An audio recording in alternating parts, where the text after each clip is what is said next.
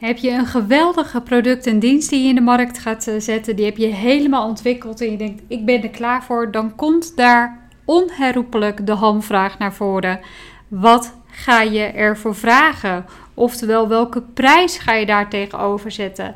En dat kan nogal een, uh, ja, een vraagstuk zijn waar je je hoofd over breekt. En daarom dacht ik, een goede vraag om je mee verder te helpen in deze podcast. Want onlangs ben ik hier zelf ook weer mee bezig geweest. Want ja, ook alle dingen die ik vertel in mijn podcast zijn ook veel dingen die in mijn eigen ondernemerscarrière naar voren zijn gekomen of die momenteel spelen. En uh, iedere keer wanneer zoiets zich aandient, dan denk ik, ja, dat is eigenlijk ook wel een hele goede om een podcast over op te nemen. Dus dat is wat we deze week gaan behandelen. Hoe bepaal je nou de prijs van je product of dienst? En dit hoor je natuurlijk in de Birgit Luik podcast. De podcast waar we het hebben over business, mindset, lifestyle en money, die onlosmakelijk allemaal met elkaar verbonden zijn om voor jou het mooiste leven te creëren. En ik zeg wel eens om de CEO van je business en leven te worden. Dat is waar ik mijn eh, klanten daadwerkelijk mee help met behulp van coaching. En uh, zoals ik al zei, vandaag gaan we het dus hebben over de prijs. En toen ik uh, vijf, zes jaar geleden begon met het uh, maken van een online training. Ik volgde daar zelfs een training over. Ik volgde een online training over hoe ik een uh, prachtig online programma kon maken. En ik ging een uh, programma maken over de Facebook adverteren. Um, omdat ik ook het inzicht had en door onderzoek wat ik had gedaan met klanten, dat daar heel veel behoefte aan was. Omdat ondernemers daar graag meer over wilden leren. En ik die kennis in huis had, dacht ik, nou, dat is uh, kat in het bakkie. Dat is wat ik ga doen. Uh, want dat ligt me ook heel erg goed. En uh, nou, gedurende dat programma dat ik dat aan het volgen was, kwam daar ook het hoofdstuk de prijzen vragen. En toen werd daar een advies gegeven waar ik echt op dat moment helemaal niks mee kon. Um, het werd er gezegd, ja, je moet de prijs, die moet je voelen. En uh, of de prijs bij jou resoneert. En uh, toen gingen we een meditatieoefening doen. En dan zou daar, als je je ogen open deed, dan zou daar de prijs uh, van als vanzelf bij je naar binnen komen. En ik dacht nog, ik weet nog dat ik dacht, zo moet ik het zeggen, ik weet nog dat ik dacht, yeah right. Dus ik ging al met enige sceptici, ging ik die meditatieoefening bij. Nou, ik deed mijn ogen open en ik dacht, uh, ja, nou weet ik het dus nog steeds niet. Dat was voor mij op dat moment dus niet de manier om voor mij mijn prijs te bepalen. Nu, vele jaren later, um, vind ik het ook echt wel belangrijk om te voelen wel wat de prijs met je doet. Maar dit zou niet mijn eerste startpunt zijn. En daarom dacht ik, laat ik je eens langs de punten meenemen uh, waar het handig is om bij stil te staan om voor jou de juiste prijs te bepalen. En dan wil ik als eerste uh, gelijk eventjes hem erin knallen. Dat is, wat is het waard? Wat is hetgene waard wat je aanbiedt? En we zitten zo vaak, zitten we, uh, als we het voelen eventjes soort van parkeren, want daar kom ik zo meteen op terug. Dan hebben we eigenlijk de andere mensen die veel meer in hun ratio zitten. En ik ben daar zelf ook wel uh, vaak uh, zit ik heel erg in mijn hoofd, heel erg mee bezig. En dan zit ik gelijk in de cijfers en te kijken, oké, maar hoeveel kost iets dan? En uh, dan raak ik eigenlijk helemaal kwijt met wat mijn oplossing. Hey, ik uh, lever diensten, in dit geval coaching, maar ook toen met mijn trainingen over Facebook adverteren. Je kunt heel erg gaan kijken naar wat iets kost, maar het is veel belangrijker om ook te gaan kijken naar wat het oplevert. Wat levert het die klant op wanneer zij zelf leren om hun Facebook-advertenties bijvoorbeeld op te zetten?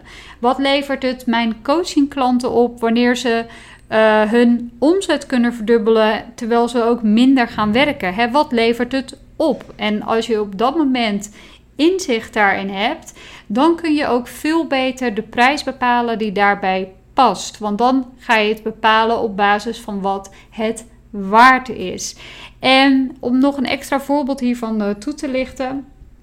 Ik was een keer op een uh, event en uh, dat was van Tibor Olgers, die destijds mijn business coach was.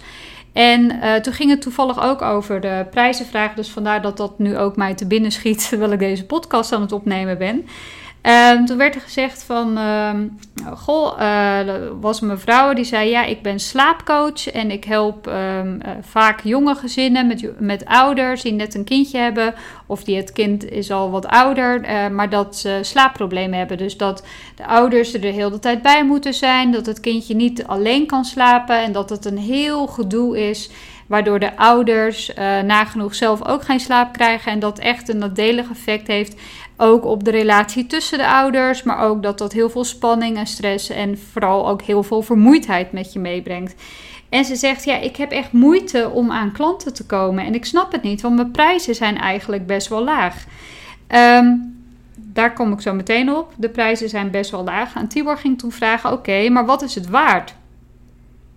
Wat is het waard? En hij vroeg in de zaal: vroeg hij van, uh, Zijn er hier op dit moment uh, mensen uh, waarbij uh, die een kindje hebben of een baby die slaapproblemen ervaart. En de stak een mevrouw, andere mevrouw die stak haar hand op en ze zei: Ja, dat heb ik.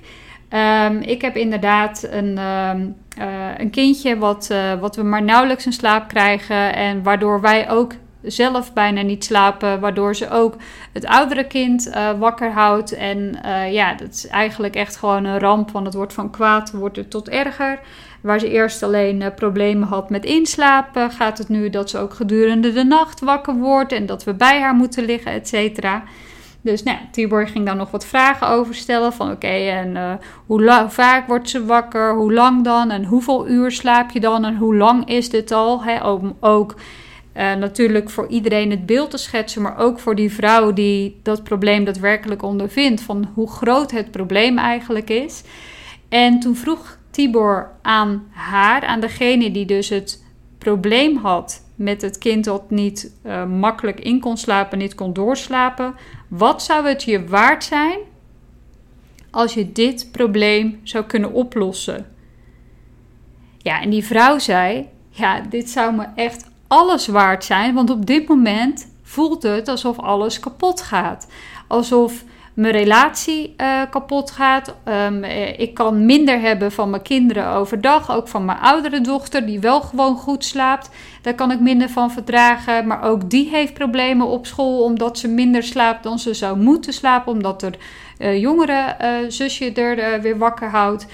en natuurlijk ook, ehm, ja, de hele relatie, de hele ehm, het hele gezin, zeg maar, die leidt eronder. Dus het zou me echt heel veel waard zijn.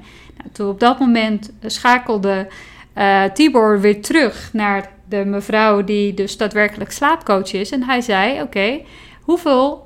Uh, wat is de prijs die je op dit moment voor de slaapcoaching vraagt? En toen zei die vrouw: Ja, ik vraag uh, 50, 50 euro per sessie. En uh, vroeg, ja, en hoeveel sessies zijn er dan ongeveer nodig? Ja, um, nou, gemiddeld gezien tussen de 5 en 10 sessies. Dus Tibor zegt, goh, uh, tussen de 5 en de 10 sessies en dan is het hele slaapprobleem is verholpen. Ja, dan kan ik het hele uh, probleem uh, oplossen. nou, gaan we rekenen. Laten we dan even uitgaan van het allerslechtste geval. Want hey, hier heeft het hele gezin heeft hieronder te lijden. Laten we uitgaan van 10 sessies keer 50 euro. Dus dan is dat een bedrag van 500 euro. Dus op dat moment gaat Tibor weer terug naar de mevrouw die het uh, kindje heeft met de slaapproblemen. Hij zegt, nou, is 500 euro om, je, om, om dit voor je op te lossen. Waarop die vrouw zegt, ja, 500 euro, maar als het zo goedkoop is, dan vertrouw ik het niet. Nou, en daar hebben we natuurlijk gelijk ook weer een volgend punt te hangen. Is dat heel veel ondernemers prijzen zichzelf goedkoop te goedkoop, waardoor hun ideale klant hen niet vertrouwt. Dus prijs kan ook echt een hele goede vertrouwensfactor zijn. Als iets te goedkoop is, dan wordt het vaak afges afgeschoten als zeg, oh, nou dan zal het wel niet goed zijn, of zal het van inferieure kwaliteit zijn, of zal zij nog niet genoeg ervaring of iets dergelijks hebben. Terwijl dat is natuurlijk onzin. En dat is wat ik hiermee wil aantonen. Dus niet per definitie dat. Um, waar ik hier met dit verhaal met name mee naartoe wilde, is weten wat jouw dienst waard is. En dat je dus na gaat denken, wat levert het anderen op en wat zou het hen waard zijn? En ik zeg, dan kun je zelf gaan nadenken, maar nog veel beter. En ik zou dit eigenlijk je altijd aanraden is om deze informatie bij jouw ideale klant vandaan te halen. Dus ga dus mensen interviewen waarvan je zegt of waarvan je weet, hey, die zouden hier behoefte aan kunnen hebben. Of je hebt wellicht een oproep geplaatst. Heb je slaapproblemen? Zou ik dan eens met je kunnen bellen om uh, meer uh, daarover te weten te komen? Uh, niet per definitie om iets te verkopen, maar gewoon zodat ik je alvast een tip kan geven en zodat ik ook informatie kan krijgen. Want ik wil veel meer mensen kunnen helpen om dit soort problemen op te lossen. En op die manier krijg je ook gelijk feedback van de markt. Want je kunt zelf wel denken wat een dienst waard is, maar jij bent jouw klant niet. Dus je moet die informatie het liefste bij jouw ideale klant vandaan halen. En gaandeweg uh, merk ik ook dat als je een prijs uiteindelijk hebt vastgesteld, uh, dat dat vaak gedurende de tijd ook dat je veel beter kan bepalen: hey, dit is wat het andere oplevert. toen ik begon met coaching, was de allereerste keer dat ik uh, coaching uh, ging geven. En toen uh, had ik er een heel mastermind traject omheen gebouwd, inclusief ook in één op één coaching. En de eerste keer dat ik dat lanceerde, was dat voor een prijs van 3500 euro. Nou, dat stond eigenlijk een schril contrast tegen, ten opzichte van wat het allemaal opleverde. En, maar ik voelde me daar op dat moment ook op een bepaalde manier comfortabel bij. En gedurende dit traject kreeg ik ook inzicht: hey, dat wat ik aanbied is eigenlijk veel meer waard. En ik eh, ben toen uiteindelijk verder gegaan met enkel de één op één coaching. Uh, toen is mijn prijs naar 5000 euro gegaan. Zo is het naar 7000 euro gegaan. Zo is het naar 10.000 euro. Wie weet, als je dit over x aantal jaar luistert, zit er weer een andere uh, prijs op. Maar dat is omdat ik ook een steeds beter besef heb van waar ik mijn klanten mee help. En ook op welk gebied ik de vraagstukken oplos voor ze of samen met hen doorheen werk. Zodat ze ook uh, zelf veel meer uh, financiële. Uh, uh, gewin daar natuurlijk bij hebben. Maar ook sommigen die willen niet per definitie uh, dat hun uh, business keer 2 gaat. Maar die willen dat de business hetzelfde blijft. Terwijl ze zelf één of tien stappen terug doen. Hè? Dus dan heb je eigenlijk dat de ondernemer zelf veel minder uh, operatief, operationeel binnen het bedrijf wil werken. Hoe ga je het dan voor zorgen dat ze dezelfde winst behouden, uh, dezelfde omzet uh, of meer omzet binnenhalen, maar dezelfde winst behouden? Um, het, ondanks dat ze zelf een stapje terug doen. Hè? Dus dat is dat perspectief waar we dan mee, mee spelen. Even een kleine, omleg, een kleine omweg, maar dus het eerste punt wat ik wil benadrukken voor het bepalen van een prijs is dat je heel erg gaat um, bezig zijn met wat is het waard voor jouw ideale klant. En die informatie die haal je niet op door daar in je eentje over zitten nadenken, maar die haal je met name op door met je ideale klant in gesprek te gaan. Daarnaast vind ik het een hele goede om uh, te kijken waar je nu staat. Wees daarin ook realistisch. Ben je net pas voor jezelf begonnen of ben je al veel meer ervaren? En toen ik begon met coaching, toen had ik uh, daar net een opleiding in gevolgd. Uh, ik had de juiste tools ehm, in mijn gereedschapskist zetten, zitten, maar ik had daar nog geen ervaring mee. Dus dan is het ook logisch dat uh, mijn prijzen dat ook op een bepaalde manier reflecteren, zodat ik daar ook mezelf op een bepaalde manier natuurlijk comfortabel bij voel. Alleen wat ik heel veel zie gebeuren, en er zijn natuurlijk twee kampen. We zien de ene kant zien we de ondernemers die zichzelf echt veel te goedkoop prijzen, waardoor ze uh, hun ideale klant het niet vertrouwt. Dus het is dus heel erg goed om juist wel die input vanuit de klant te verkrijgen. En het tweede kamp uh, zie ik dat um, mensen heel erg duidelijk hebben wat het waard is voor de andere. Uh, voor de andere, uh, voor de ideale klant. Hè. Dat hebben ze teruggekregen bijvoorbeeld. En dat zien ze ook bij anderen. Maar dat ze zichzelf uh, gelijk heel duur in de markt zetten. En duur is natuurlijk ook weer een perspectief. Maar dat ze de, zichzelf op het meer ervaren niveau in de markt zetten. Terwijl ze eigenlijk nog gewoon heel veel vlieguren moeten maken. En ik wil niet zeggen dat als je beginner bent, dat je nooit uh, direct uh, hoge prijzen uh, mag vragen. Want daar ben ik zeer zeker wel een voorstander van. Ik wil je alleen meegeven, wees realistisch in waar je staat. als je bijvoorbeeld net begint als coach en je gaat in één keer 10.000 euro vragen, dat is een beetje gek. Um, en ten meer ook Um, nou, chapeau voor jou dat je zoveel vertrouwen hebt in jezelf dat je dat dubbel en dwars waard, maar, waar, waard bent. Maar waar is je track record? Waar is je track record waar het uit blijkt dat je die prijs eigenlijk waard bent? Want het is niet alleen natuurlijk wat anderen uh, vinden wat het waard is, wat jouw ideale klant vindt dat het waard is, maar ook wat is je track record? En dat is wat, waar ik mee bedoel met waar sta je nu? Ben je beginner of ben je meer ervaren? En pas je prijzen daar ook op aan. Daarnaast is het natuurlijk ook heel erg goed om te kijken. Vanuit de ratio-kant van de ratio-mensen denk ik dat het heel veel uh, denkt: yes, eindelijk, nu kunnen we gaan rekenen. En met welke kosten heb je te maken? Hoeveel uur kost het jou bijvoorbeeld om product uh, of dienst X te maken?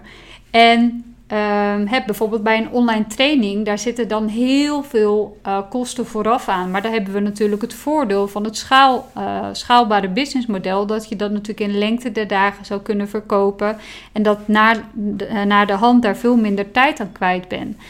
Um, maar als je fysieke producten maakt, zit daar natuurlijk ook tijd in die het, die het kost om het te produceren. We hebben natuurlijk ook de productiekosten, de kosten van inkoop.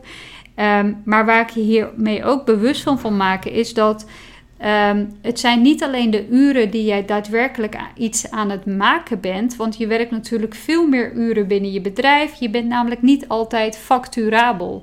Dus ook wil ik dat je de uren eigenlijk mee gaat nemen die je niet facturabel bent, maar die wel dienen om je business of je product of dienst in de markt te zetten.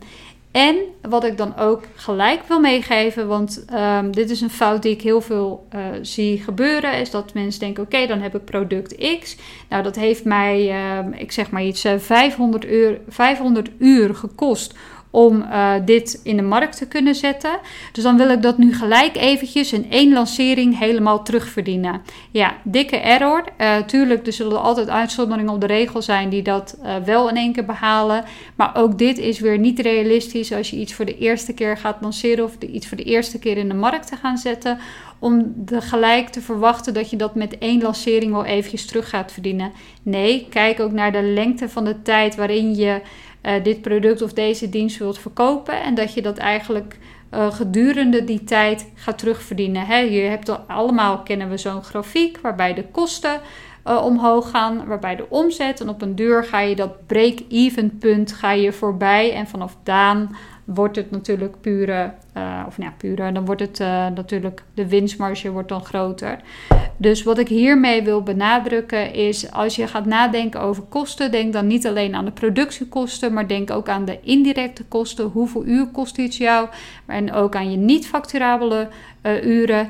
En wees ook bewust dat je hier ook denkt aan kosten met betrekking tot promotie. Dus hoe ga je het, je product of dienst verkopen? Ook dat wordt veel vergeten en daar wordt geen budget voor gereserveerd bij het bepalen van de prijs. Die wordt be bepaald en zeker ook bij fysieke producten.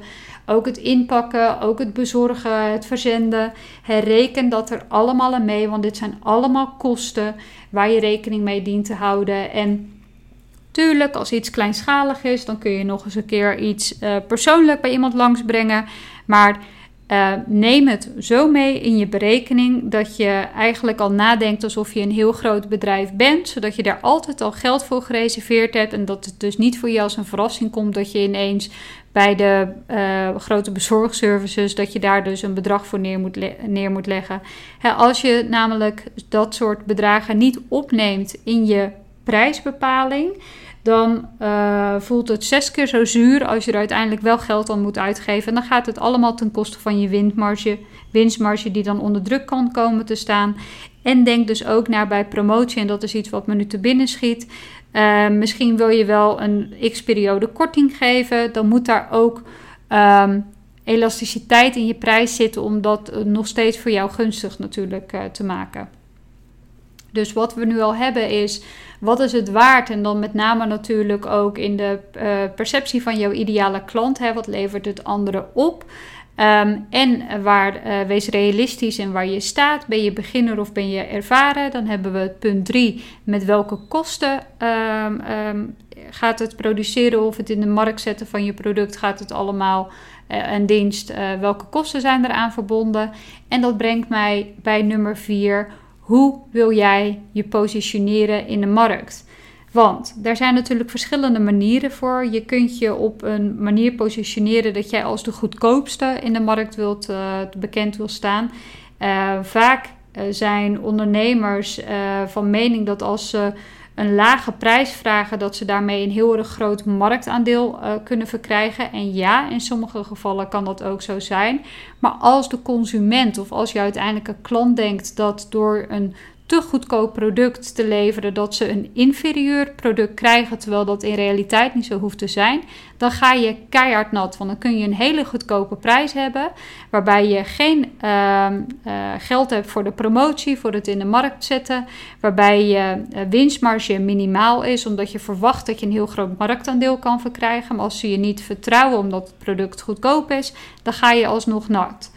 We hebben aan de andere kant, je kunt ook te duur zijn, waarbij je zegt: ja, maar ik wil alleen dat mijn producten en diensten voor een select groepje mensen uh, verkrijgbaar is. Dat is natuurlijk ook een mogelijkheid.